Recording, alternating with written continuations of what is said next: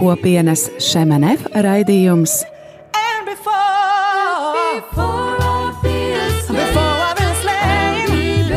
Jaunais ceļš.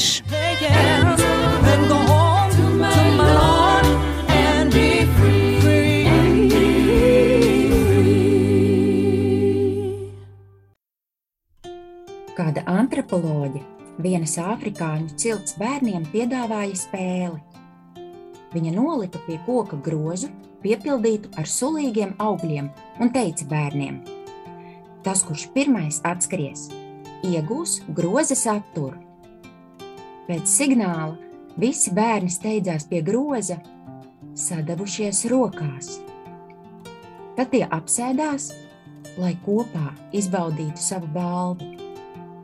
Kad antropoloģi viņiem jautāja, kādēļ viņi pārvietojās šādā veidā, jo viens no viņiem taču būtu varējis visus augļus iegūt sev, viņi atbildēja: Ubuntu!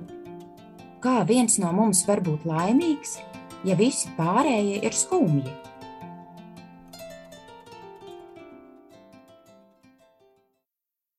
Labvakar, rādījām arī Latviju klausītāju. Ar tevi kopā ir kopienas šemanef raidījums Jaunais ceļš. To vadīsim mēs, Egmonts un Liena Gāliņa. Un šajā Latvijas dzimšanas dienas nedēļas nogalē mēs mazliet pabūvēsim. Jā, mēs uzcelsim tiltu. Jā, un uh, uzcelsim uh, ne tādu mazu tiltu, bet diezgan lielu tiltu, gandrīz līdz pašam ekvatoram. Un mēs dosimies uz Āfrikas rietumkrasta valsti Kodivāru, jeb Ziloņkaula krastu.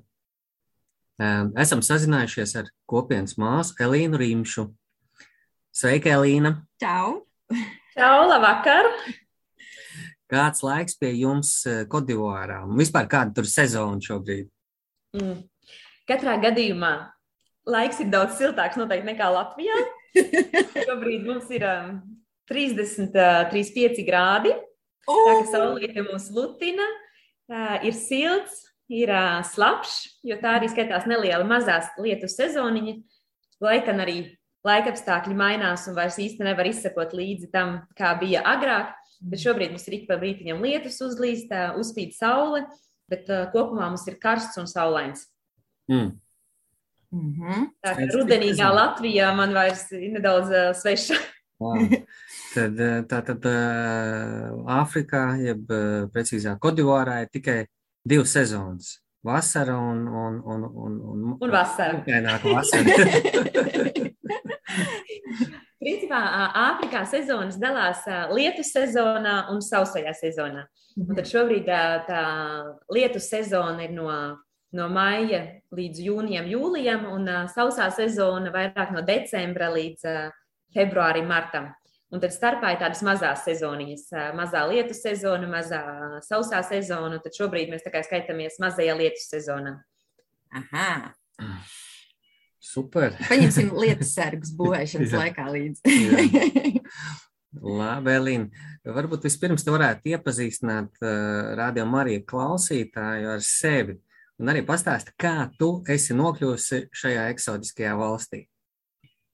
Esmu Elīna, Elīna Rīmša no, no Raunas. Man vecāki dzīvo Raunā. Esmu gājusi līdz pamatskolai Raunas skolā un pēc tam jau gimnāzijas laikus pavadīju Cēsīs un augstskolu. Mm, augstskolā gāju Rīgā, Latvijas Universitātē, bioloģijas fakultātē. Pabeidzu biologus. Nu, lūk, un tad jau bērnībā, pateicoties vecmāmiņai, man bija žēlstība doties uz, uz baznīcu, reizēm viņu līdzi pavadīt. Viņa palīdzēja man iziet arī pirmās komunijas apmācības. Un, viņa teica, par godu viņai, par prieku viņai es došos uz baznīcu vienreiz mēnesī, lai sagādātu prieku. Tad, ejot vienreiz mēnesī, otrreiz mēnesī, jā, es jūtu, ka man patika. Kad nebija nemaz tik slikti, protams, bija visi rožu kroņi, litānijas un kā jau kārtīgā lauka draudzē. Mm. Bet, Bet ap kā, uh, pusauģu gados vienreiz bija žēlstība doties svētceļojumā no cēsu draudzes pirmo reizi uz Aglonu. pieņēmu šo lēmumu, doties viena pati, bez draugiem, bez ģimenes, bez neviena. Tad piedzīvot šo piedzīvojumu kopā ar citiem jauniešiem un vecāku gadu gājumu cilvēkiem. Mēs devāmies no Cēsīm uz Aglonu. Un tā bija mana pirmā reize, kad es ieraudzīju arī baznīcu nedaudz citādākā veidolā. Ar jauniešiem, ar dziesmām, ar ģitārām, un tie viss var būt nedaudz attraktīvāks. Un tas bija tas pirmais tāds klikšķis, lai uh, mana tā uh, vecmāmiņas ticība kļūtu par manu personīgo ticību. Uh, no, tad, no šī brīža, no kādiem 16 gadiem, tad es sāku ar vien vairāk un vairāk regulārāk iet uz baznīcu. Tad, mm, es iepazinu arī kopienu Šemanē 2011. gadā, pēc pāris gadiem esot Rīgā, arī kalpojot Rīgas Jēkaba katedrālē, katoļu baznīcas vēstnesī. Mm, tas bija brīnišķīgs laiks, un tas un sakrit arī ar pasaules jauniešu dienām Madridē, Spānijā. Un tad uh, kopā ar draugiem mēs izvēlējāmies doties uh, uz Spāniju kopā ar kopienu Šemanetu, kuru es nepazinu. Es, es biju tikai dzirdējusi, ka tāda kopiena eksistē, kad ir kānas misija, bet priekš manis kānas misija tas bija kaut kas viens, un kopiena Šemanetu tas bija otrs. Bet es nezināju, ka tā ir kopienas misija priekš ģimenēm. Un tad es aizbraucu uz Spāniju, uz šo sagatavošanās festivālu, ko kopiena piedāvā pirms šīm pašām pasaules jauniešu dienām, pirms, mēs satiekam pāvestu, tad vienmēr ir tāds viens sagatavošanās festivāls nedēļa. Un tad šajā festivālā tad, uh, bija man tā pirmā satikšanās ar kopienu, uh, kuras ieraudzīju kopienas brāļus, visi jauni, smaidīgi. Uh, man ļoti uzrunāja arī lūkšanu veids, slavēšana un uh, aizraujošas un uh, tiešām jēgpilnas uh, mācības, ko, ko katru rītu mums deva tajās rīta konferencēs. Un, un viss, tas, viss tas man kaut kā tā uzrunāja, aizkustināja un vēl pavisam, pavisam pa vidu.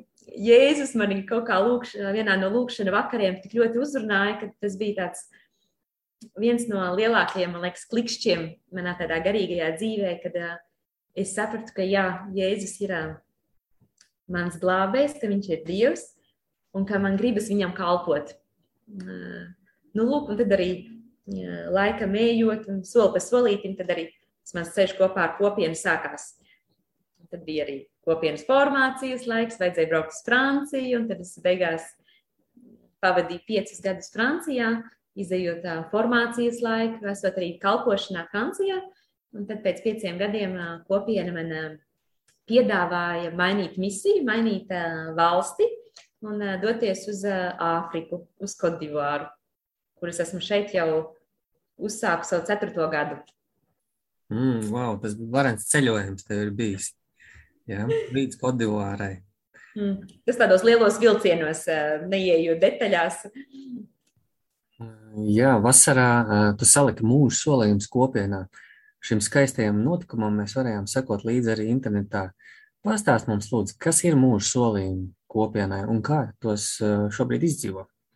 Tad mūža solījumi kopienai līdzīgi tāpat kā uh, citos ordeņos vai citās, uh, citos garīgos ordeņos, uh, kur pēc vairāku gadu mm, būšanas kopienā vai ordenī, kad bija pienācis brīdis, kad izvēlēties spērt šo soli līdz galam. Jo, kad mēs iesaistamies kopienā, mēs iesaistamies no sākuma uz, uz gadu, diviem gadiem. Ir tas postulāts, noviciāts, ko mēs kopienā vairāk saucam par bētliem un nācereti. Un pēc tam mēs atjaunojam savus solījumus katrus trīs gadus. Un pēc uh, vairāku trīs gadu atjauno, solījumu atjaunošanas, tad uh, pienāk brīdis, kad uh, ir jā, jāuzdod jautājums, bet varbūt ir uh, pienācis laiks salikt mūža solījumus. Un tad ir sevišķi priekš mums, kas esam arī konsekrētas personas, konsekrēti brāļi un māsas, mēs saliekam mūža solījumus gan kopienā, gan šajā konsekrētajā dzīvē. Tad man bija tā žēlstība salikt abus divus solījumus. Mm. Eh, gan kopienā, gan eh, konsekrētajā dzīvē. Eh, šajā izvēloties nabadzību, paklausību un šķīstību. Nu, lūk, tas bija, tas notika 26. jūnijā, Kodivārā, Abidžanā, kopā ar citiem kopienas brāļiem un māsām. Mūsu vidū mēs bijām trīs konsekrētas personas, kas salika mūža solījumus, divi kopienas pāri, kas iesaistījās kopienā uz mūžu no Kodivāras. Un pieci brāļi, kas tika ordinēti par diakoniem, un trīs brāļi, kas tika ordinēti par priesteriem. Tas bija liela, lielas svinības un liels notikums priekš, priekš kopienas un priekš visas baznīcas. Gan Kodivārā, gan pasaulē, jo pēc tam jau visi kopienas brāļi māsas tiek izsūtīti pa visu pasauli. Cits, kas Francijā, cits uh, Kongo, cits Madagaskārā. Nu, lūk. Jā, brīnišķīgi mēs arī piedzīvojām šo pateicības dievkalpojumu kopā ar Ārnītu arī, kad mēs bijām Rīgā, kas notika Magdalēnas draudzē. Tas bija skaists pasākums mums visai kopienai. Bet nākošais jautājums, mēs jau pieskarsimies tieši Āfrikai. Mēs jautāsim tev par Āfrikas kultūru, Āfrikas vērtībām un tavu inkulturāciju, jeb iejušanos Kodivārā. Bet to, to mēs tev lūksim mums pastāstīt pēc muzikālas pauzītes, kuru tu mums esi sarūpējusi. Es jums piedāvāju noklausīties kopienas dziesmu no kopienas jauniešiem, kas saucās It's Your Love. Tā ir tava mīlestība.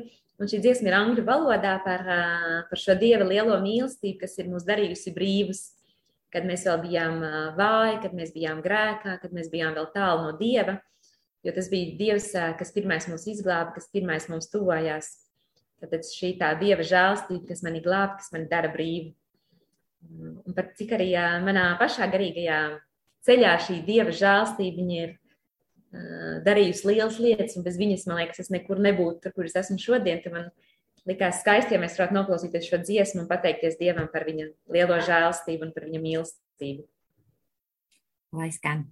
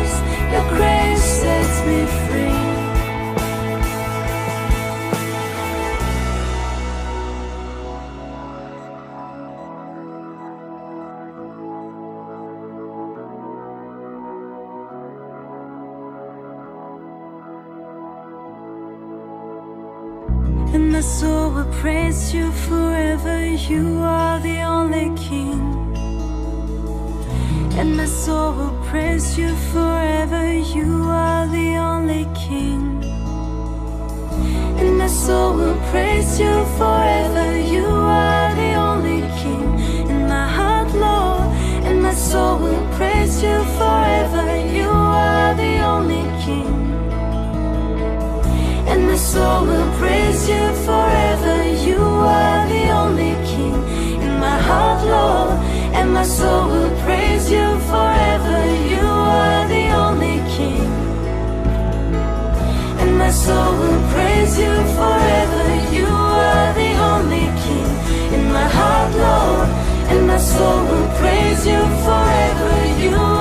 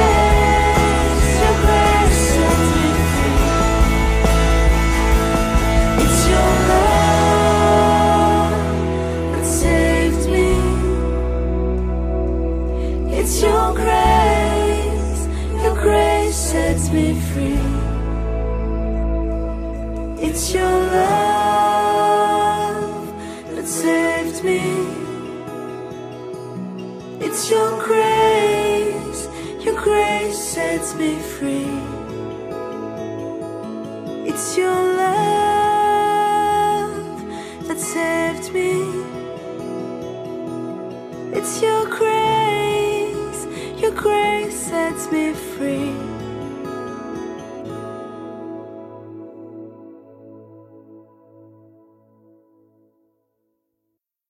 Atgriežamies raidījumā Jaunais ceļš. Ar tevi kopā rādījumā arī klausītāji esam mēs, eh, Egmonts un Liena Gāliņi. Un arī mūsu šī vakara viešņa ceļojumā uz Kodivāru Elīna Rīmša. Jā, Elīna, mēs tev uzdevām jautājumu par Āfrikas kultūru, kultūru, ko tu piedzīvo Kodivārā, par Āfrikas vērtībām, par tavu inkulturāciju, ja biejušanos Kodivārā. Padalies, lūdzu, kā tu to esi iepazinusi un izdzīvo. Varbūt pirmā, pirmā lieta, kas man nāk uzreiz prātā, domājot par Āfrikas kultūru, par, par to, kas ir nedaudz savādāks nekā prie, pie mums, Eiropā, Latvijā, tad šī kopā būšana, būt kopā Āfrikā, ir ļoti spēcīga, piemēram, ģimenes kultūra. Mums Eiropā mēs vairāk runāsim par mazajām kodola ģimenītēm, kur ir mamma, tētis un bērni. Un tad, protams, ir vecmāmiņas un onkuļi un tantes nedaudz apkārt. Bet Āfrikā un arī šeit, vairāk šeit, Kodivārā, ko es vairāk esmu izdzīvojis un piedzīvojis, tad šeit tiešām šī, šī ģimenes būšana, tas ir tāds liels, liela mafija, liels klans. Uh, jo tu bez, bez ģimenes tu neko nevari. Tu nevari uh, neizvēlēties studijas, neizvēlēties darbu, un viens otru visu laiku pastutēs, palīdzēs, kotizēs. Ir tāds vārds par latviešu, tāds eksistē, mm, kotizēt nedaudz.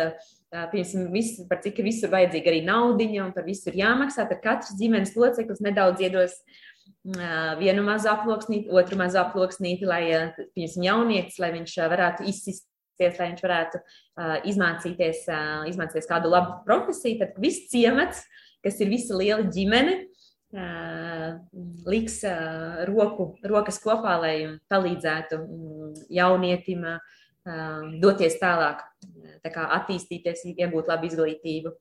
Vai arī otra lieta, kas man nāk uzreiz prātā, tās ir um, bēres ja gadās kāds cilvēks, kas nomirst, vai, vai onkulis, vai tante, vai pat kopienas brālis vai māsa, tad uzreiz ir ļoti liela šī solidaritāte. Katru reizi mēs dosimies pie tās personas ģimenes, uh, izteikt līdzjūtību, pavadīt laiku kopā.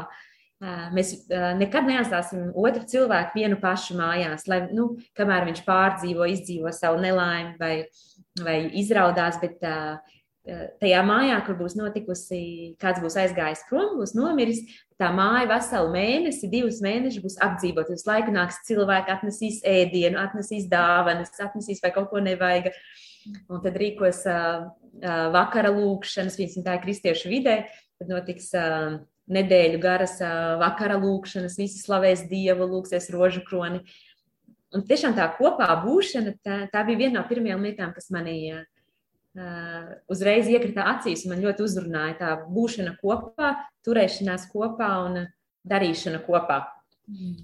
Tas bija tāds uh, viens no Āfrikas uh, tiešām dārgumiem, ko es novērtēju. Un arī otra lieta, kas ir uh, prieks. Tiešām būt priecīgiem. Uh, mēs jau laiku bieži dzirdam tādas klišejas, nu, kad jau Āfrikā jau viss ir tik smaidīgi, viss ir tik dzīves priecīgi. Tad reizēm sakām, tas ir tāpēc, ka ir saule, tāpēc, ka ir silti. Un, varbūt arī tā ir taisnība, kad ir kaut kas tāds dabisks, kad, kad ir saulains, mums ir daudz vienkāršāk būt priecīgiem un, un, un dzīves priecīgiem, bet ir kaut kas tajā būšanā, ko pat tā īsti nevar izskaidrot, bet mums vienkārši ir prieks būt kopā. Prieks uh, būt kopā un vienmēr kaut ko baigi darīt, bet apsēsties, parunāties uh, iedzert glāzi sulas uh, vai uh, glāzi ūdens. Un arī Āfrikā ļoti interesanta paraža, tieši Kodivārā, kad ierodies pie kāda ciemos, pirmā lieta, ko, um, ko mājas māte vai mājas tevs darīs, viņš tevi apsēdinās un pirmais iedos ūdens glāzi padzēties. Un tikai pēc tam viņš tev jautās, kā te vieta, kāpēc tas atnāca, kādi ir jaunumi, kādi ir dienas jaunumi, ar ko tu nāc. Un tad tu stāstīsi par kāpēc tas ir ieradies, pateicība Dievam, nekas traks nav noticis, atnāc tikai apsveicināties. ļoti bieži tādas parastas vienkāršas sarunas, kas atnāku, apsveicinos, un viss, un pajautāju, kā iet ģimenei, kā iet uh, mammai un teitim, un uh, dodos projām. Lūk, tā, tas uh, dzīves prieks, um, prieks būt kopā un solidaritāte savā starpā. Tie, man liekas, tie um, viena no lielākajiem Āfrikas vai Kodivāras valstiem. Kad tu pieminēji ģimeni un šo lielo ģimeni, ka, ka viss ciems kofinansē, teiksim, studijas un tā tālāk, tad man arī atmiņā bija kādi, kādi brāļi no Āfrikas arī, kas dalījās ar šādiem stāstiem, ka ciematāji pasaka, ka tu esi mamma, Tas nenozīmē, ka tu esi mamma tikai saviem bērniem. Tu, principā, esi mamma tajā mirklī visiem bērniem. Tāpat teica, to arī teica pārauga arī pārējos visus. Un, un ja saka, ka tas ir mans brālis, nemaz nav teicis, ka tas ir tiešām brālis vai tas ir brālēns. Jā, vai, mm. vai tā, tā ir? Jā, jā, jā, man tieši arī šobrīd es trešo gadu dzīvoju kopienas mājā, kas saucās Tiberijā, kas ir formācijas un rekolekcija māja. Mēs dzīvojam netālu no viena ciemetiņa, kurā ir kaut 2000, 3000 iedzīvotāji, kas ir upes krastā. Un, un šeit, piemēram, kad reizēm, kad es aizēju uz ciematu, vienkārši izēju cauri, apsveicināties ar ciematu iedzīvotājiem, tad, piemēram, nekad tu nevari zināt, kam īsti pieder kurš bērns. Un tu zini, ka, ja tu mājās pusdienas laikā viņu neredzēji, ka viņš nēda tevis vārītus rīsus, tu vari būt drošs, ka viņš noteikti kaimiņu mājā ir labi paēdis. Vienmēr kaim, kaimiņu tante, māsīca vai tante būs par viņu parūpējusies. Jo, protams, tav, tav, tas ir tavs bioloģiskais bērns, bet tajā pašā laikā viņam ir vēl daudz citas mammas un tēti un onkuļi. Un, piemēram, pat, um, Otra interesanta lieta, kad, um, protams, katrai ciltī arī tas ir nedaudz savādāk, tās, um, tās tā hierarhija ģimene, Bet bieži mm, nevienmēr vecāki ir tie, kas izlemj par uh, sava bērna likteni vai par studijām vai, vai kur viņš dzīvos, jo reizēm uh, tā bērna onkulim, piemēram, brāļa, tēva brālim ir daudz lielāka ietekme uz, uh, uz uh, sava brāļa dēlu nekā pašam tēvam. Vai nu tāpēc, ka viņam ir daudz vairāk finansiālu līdzekļu vai uh, lielāka autoritāte. Tad, uh, tas ir tik, tas viss noteikti dabiski, ka tur neviens, ne, mēs tikai Baltija no Eiropas skatāmies ar lielām acīm, kā, kā tad tā, kā tad uh, man cits uh, izlems par manu bērnu, vai kur viņš dzīvos, ar ko viņš dzīvos, kādas studijas viņš, uh, kādās studijās viņš ies. Bet uh, tas ģimenes modelis, viņš tomēr diezgan īpatnējs priekš mums, Eiropiešiem, Latviešiem. Ja mēs esam vairāk tādi individualistiskāki, individualistiskāki, katrs par sevi, bet Āfrikā tad viss ir daudz, daudz kopīgāks. Mm. Un, un kā tu jūties šajā vidē? Jā, un ko tu arī dari tieši Kodivārā kopienā? Tā tad varbūt pirmais atbildot uz Egmonta jautājumu, kā es pats jūtos, man liekas, es esmu kā zivs ūdenī. man liekas, man ir rīta nedaudz tās afrikāņu asinis, vai nu, vismaz tas arī tas dzīves prieks un prieks vienkārši būt kopā. Man liekas, esmu kā, kā zivs ūdenī, man liekas, reizēm jau man liekas, ka es vairs neesmu balta, ka es jau pat aizmirstu, kad es esmu balta, vai es jau sāku kļūt nedaudz melna. brāļi par mani smejas, jo es reizēm pat kādos izteicienos vai būšanā jau sāku adaptēt, pielāgoties tai afrikāņu būšanai un būt vairāk afrikāniskai. Bet es jau, protams, neaizmirstu savu Latvijas, latvietis identitāti. Bet, nu, lūk, tā kā man arī, pat, protams, atbraucot no sākuma, bija no sākuma pirmie mēneši bija nedaudz grūtāki, jo, protams, ir, viens ir zināt galvā izteicienu, kad Āfrikā ir jābūt, ne jādara. Mm. Porši jau to zināt un dzirdēt, bet tā kā realitāte, ka tev no sākuma, ka tev vēl nav daudz, daudz misiju vai daudz darāmo lietu, vēl nepazīst cilvēks, un tas vienkārši būts. Tad tas no tā abstraktāts kļūst ļoti reāls un, un paliek nedaudz. Un bija pirmie mēneši, atceros, kad es atbraucu uz Kodivāru, bija nedaudz grūti, bet pēc tam Nu, tiešām ar dieva žēlstību un ar, arī ar kopienas brāļu un māsu palīdzību un vietējo sirsnību, tā inkulturācija un adaptēšanās pagāja ļoti vienkārši un, un sirsnīgi.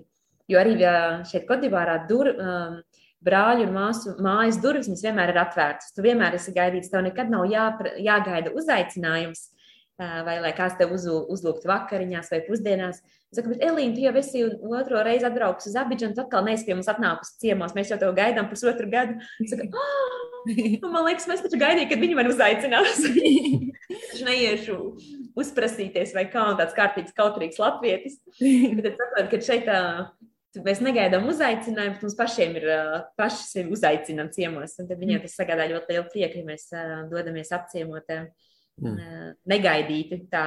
Uzkrītam uz galvas negaidīti. Mm. Bet uh, atgriežoties pie Lienītas jautājuma par to, ko es daru, tad uh, es kopš uh, diviem gadiem, uh, Kodivārā jau esmu četri, div, trīs gadus, šobrīd uh, ir mans ceturtais gads.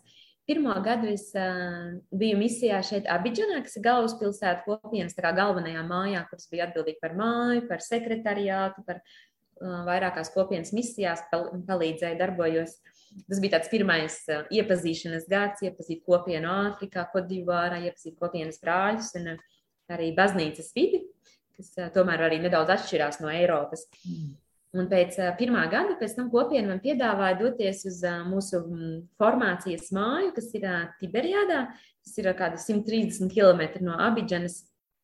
Mēs viņu saucam par meža viduci, bet viņa pie upes, upes krastā. Tā ir formācijas un rekolekciju māja.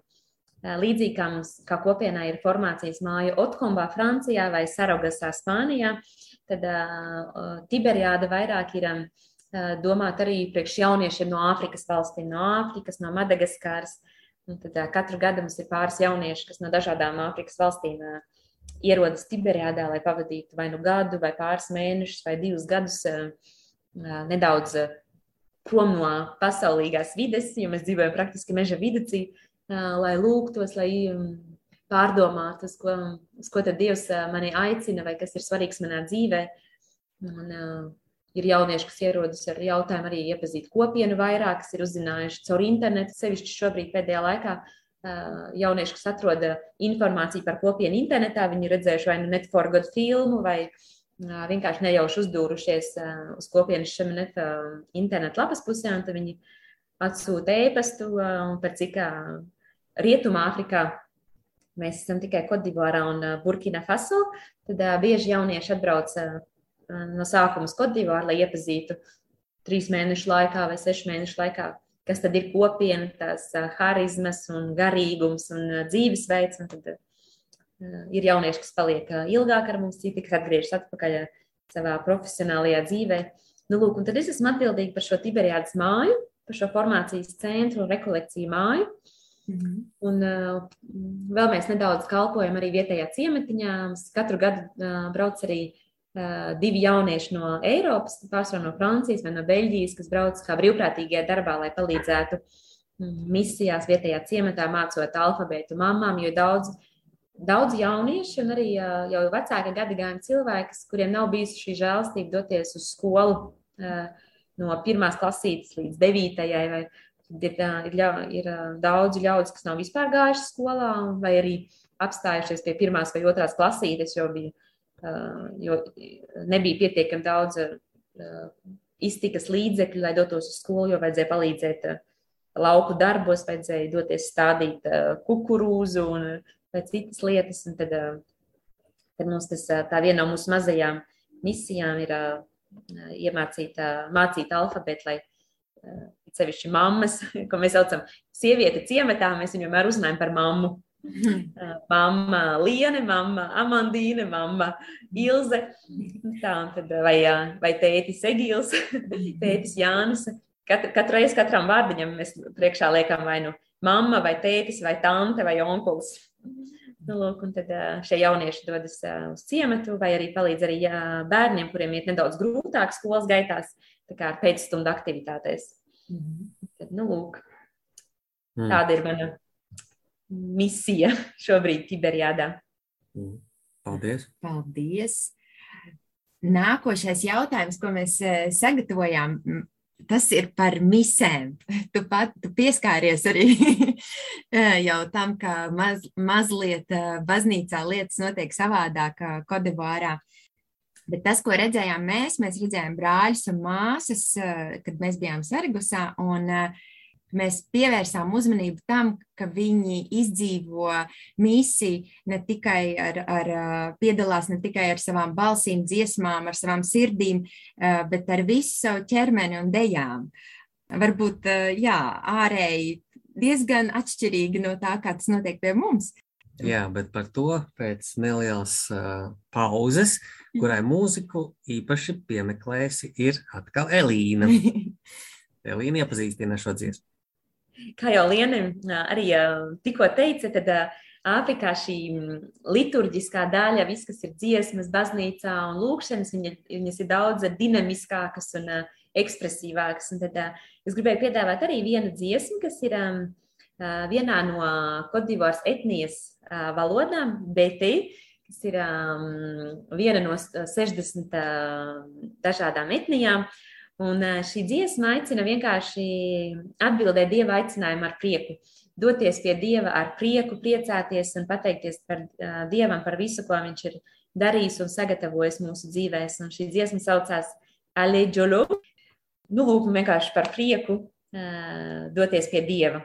Un tad jūs dzirdēsiet nedaudz Āfrikas kodivāras ritmus. Esam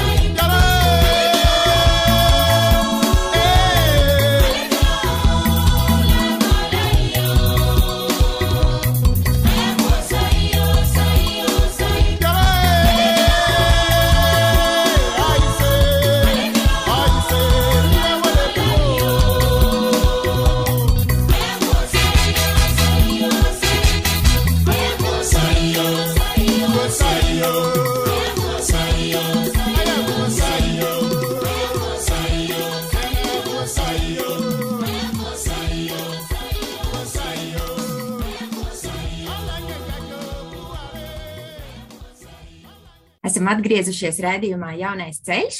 Sarunājamies ar kopienas māsu Elīnu Rīmšu, kas šobrīd kalpo Kodivārā. Un raidījumu vadām mēs, Gāliņa pāris no Liepājas, Lienu un Egmunds. Jā, paldies par šo uh, ritmisko, jautro, aktīvo dziesmu. Gribējās dejot. Ne tikai gribēs, mēs arī padējām. Jā, un tieši tad mēs arī nonākam atpakaļ pie šī jautājuma par uh, par misēm, par šo mūsu novērojumu. Es atceros, ka, eh, ka bija arī kāds priesteris, kas arī bija no vienas no eh, Āfrikas eh, zemēm, un, un viņš bija blakus citiem priesteriem. Sākumā viņa rokas bija paceltas, viņš tā viegli šūpojās visos, visās dziesmās, un tad pamazām, pamazām tās rokas tā sāka noslīdēt uz, uz leju, un viņš pieņēma to kultūru, kas, kas ir mums šeit Eiropā. Pastāst, padalies lūdzu par to, kā tur notiek eh, šīs mises.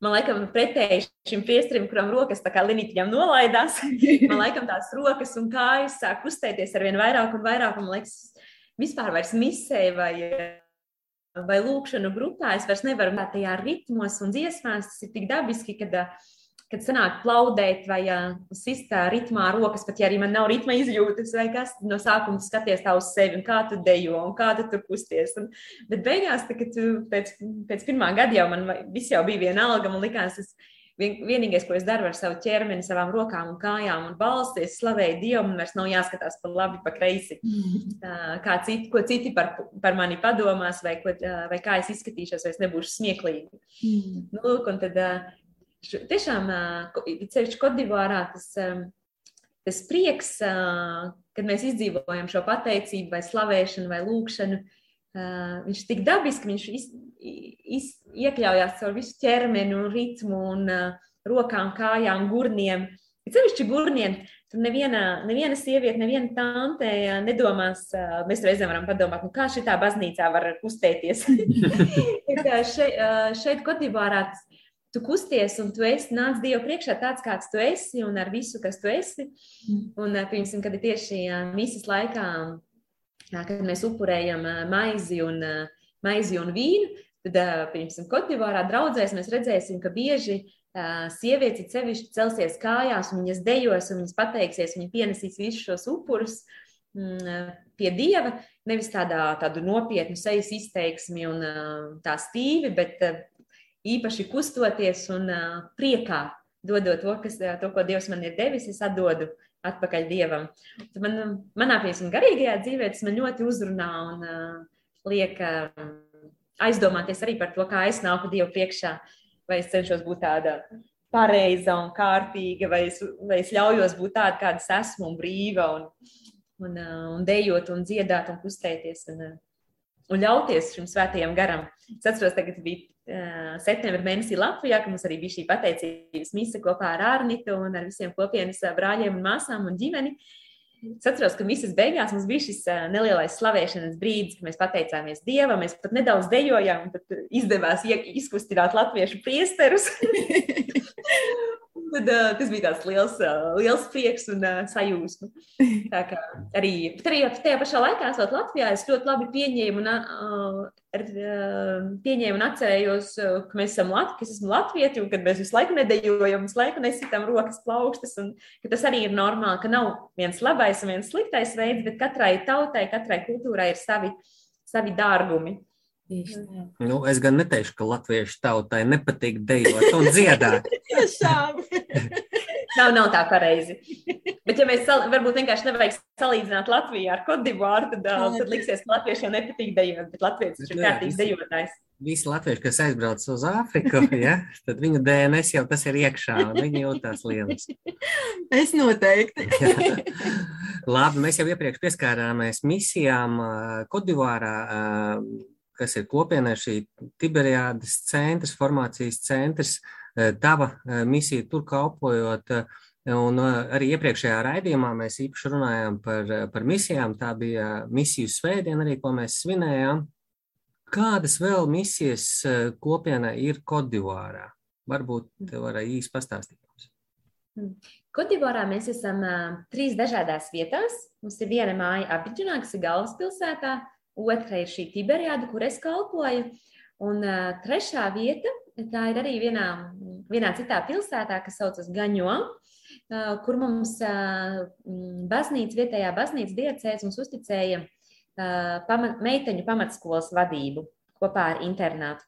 Un tad uh, kopienas uh, māsas šeit kalpo, uzturot un, un vadot šo pamatskolu, kurā ir kādas 400 meitenes, un, un internāts, kurā mēs varam uzņemt līdz 80 meitenēm.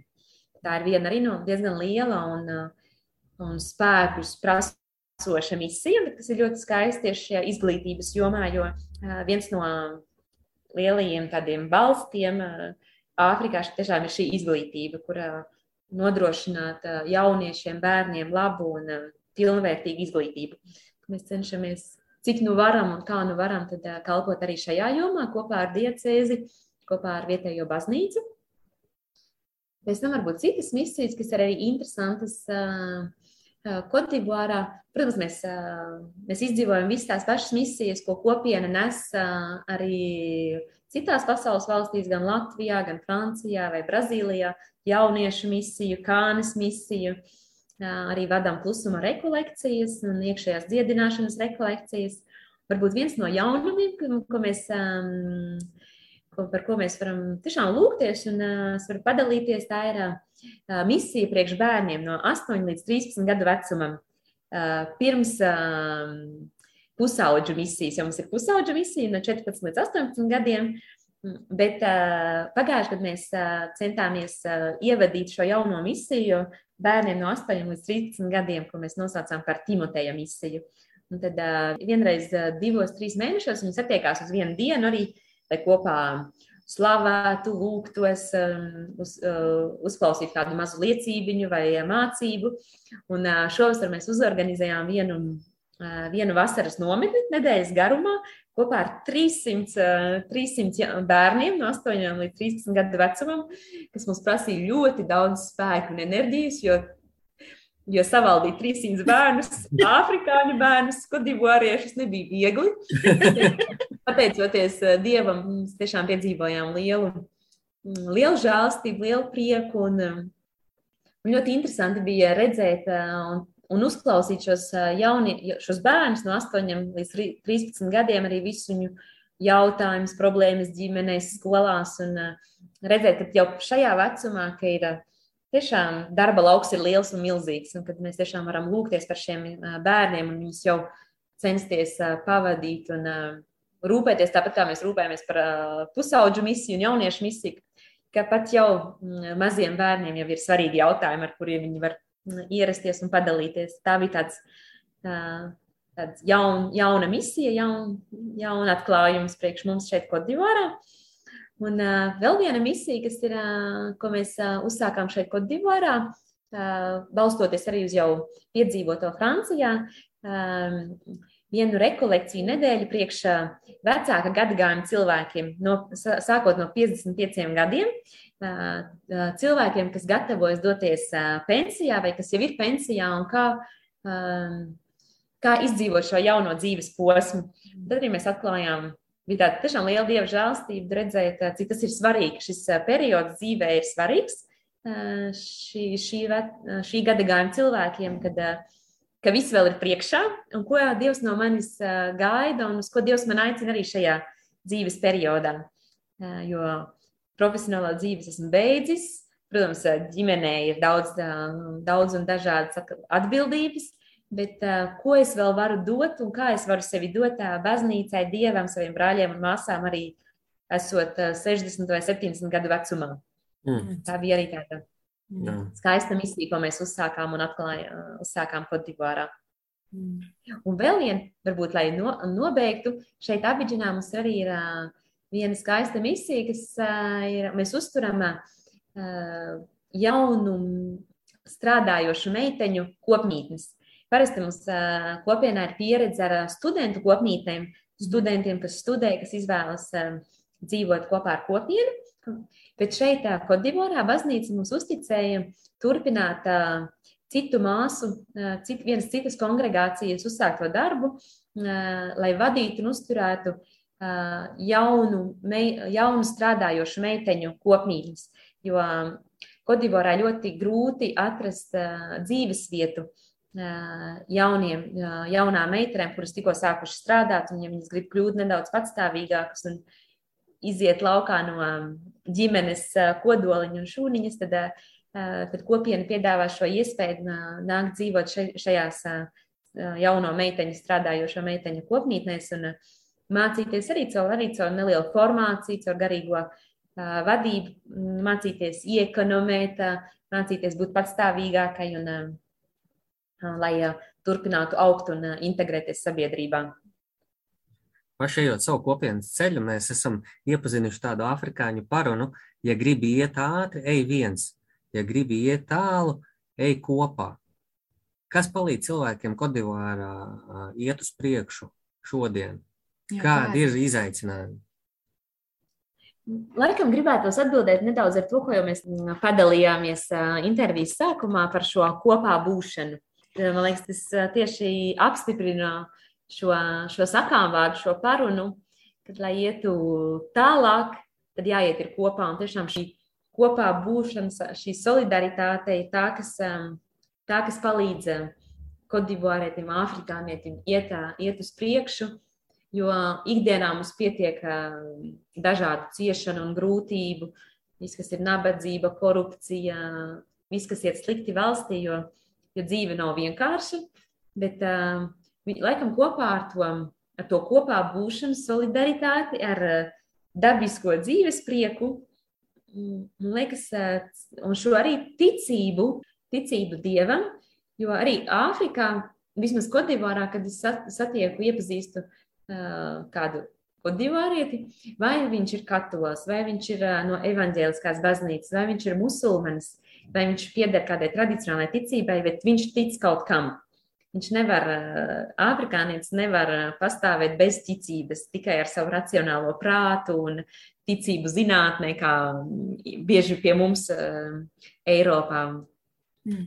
Un tad arī un tad šī ticība kaut kam augstākam vai ticība dievam arī palīdz iet uz priekšu kopā, palīdz iet uz priekšu tālāk un uh, izturēt arī visas šīs grūtības, kas ir ikdienas uh, ciešanas, slimības, uh, um, katastrofas, viss, kas arī var būt, uh, kas var būt grūts un uh, šis posts Mm, arī nabadzīgās valstīs.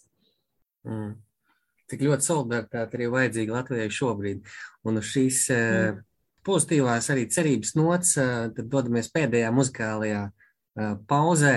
Elīna, ko tu mums esi sagatavojis nobeigumā?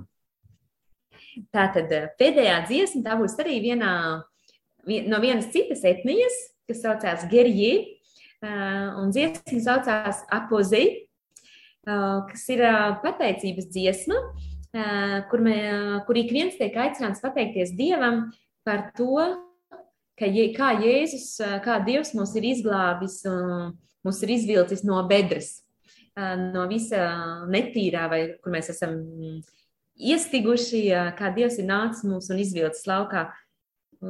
Dziesmā, kas saka paldies, kas pateicas Dievam un uh, un būt žēlstību, neatgriezties šajā vecajā dzīvē un, un kalpot dievam. Apozi no Gerģi etnijas. Lai skan. Un atgriežamies pēc muzikālās pauzes.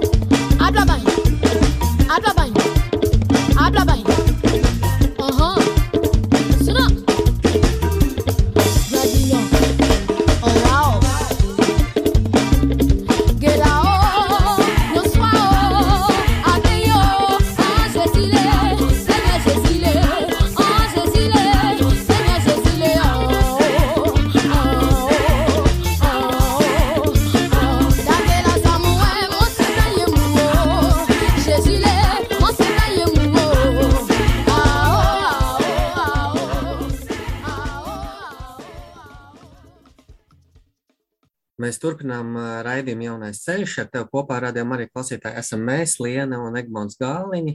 Un atgriežamies sarunā ar Elīnu Rimšu pēc šīs brīnišķīgās dziesmas. Elīnīt, vai tev ir kāda īpaša raksturvieta, ar ko tu varētu padalīties, un kāds novēlējums mūsu radio klausītājiem? Hmm. Raksta vieta, kas man nāk prātā mm, uzreiz, kas man, kas man aizkustināja, ierodoties Kotivārā, ko man Jēzus, ā, ko man Jēzus iedeva. Šī bija no otrās vēstules korintiešiem. Tev pietiek ar manu žēlastību. Mm.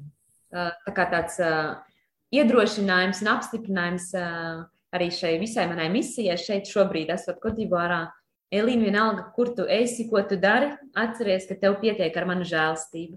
Mm. Un, uh, arī varbūt to es gribētu novēlēt ik vienam radio Marijas klausītājam. Uh, atcerieties, ka jums pietiek ar uh, Dieva žēlastību, un uh, kad, kad mūsu dzīvēs nav nekas spēcīgāks kā viņa žēlastība, kas mūs glābj, Mm. kas mūs turpina vadīt un vadīt pretī debesu valstībai. Amen. Atgādinu, ka šovakar sarunājamies ar Elīnu Rimšu, konsekrētu māsu kopienā Šemanef, kas šobrīd dzīvo un kalpo Kodivārā. Mēs runājam par to, kas ir mūsu solījumi, apskatījām afrikāņu kultūras īpatnības un atšķirīgo viņu misēs, noskaidrojām, kāda ir Kodivāras iedzīvotāja izaicinājuma šodien. Nākamajā raidījumā, kas notiks decembra 3. svētdienā, uz sarunu aicināsim Redu pāri Katrīnu, kas ir latviete, un Blažēju, kas ir polis. Runāsim par jauniešu evanģelizāciju un topošajām studentu kopmītnēm vecrīgā, un, protams, ka par Ziemassvētkiem un ģimeņu tradīcijām gan Latvijā, gan Polijā. Paldies, paldies, mīļais! Radio Marija Latvija klausītāji, paldies milzīgs tev, Elīna. Milzīgs prieks bija pabūt uz šī tilta kopā ar tevi, un paldies par tavu dalīšanos. Jā, novēlam tev dievu vadību un klātbūtni tavā ikdienā Kodivārā. Paldies, paldies, mīļie brāļi! Paldies arī Mairitai un Ievo Folkmaņiem par līdzdalību raidījumu tapšanā, gan saturiski, gan vizuālajā noformējumā. Um, Sveitīgi visiem šo vakaru turpinājumu un cerības pilnu jauno nedēļu. Uz tikšanos! Uz tikšanos! Atā! Atā! Freedom,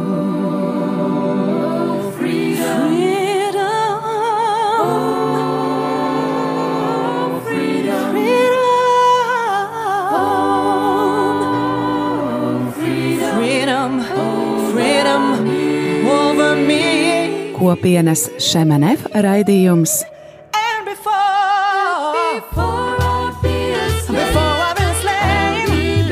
Jaunais ceļš. and the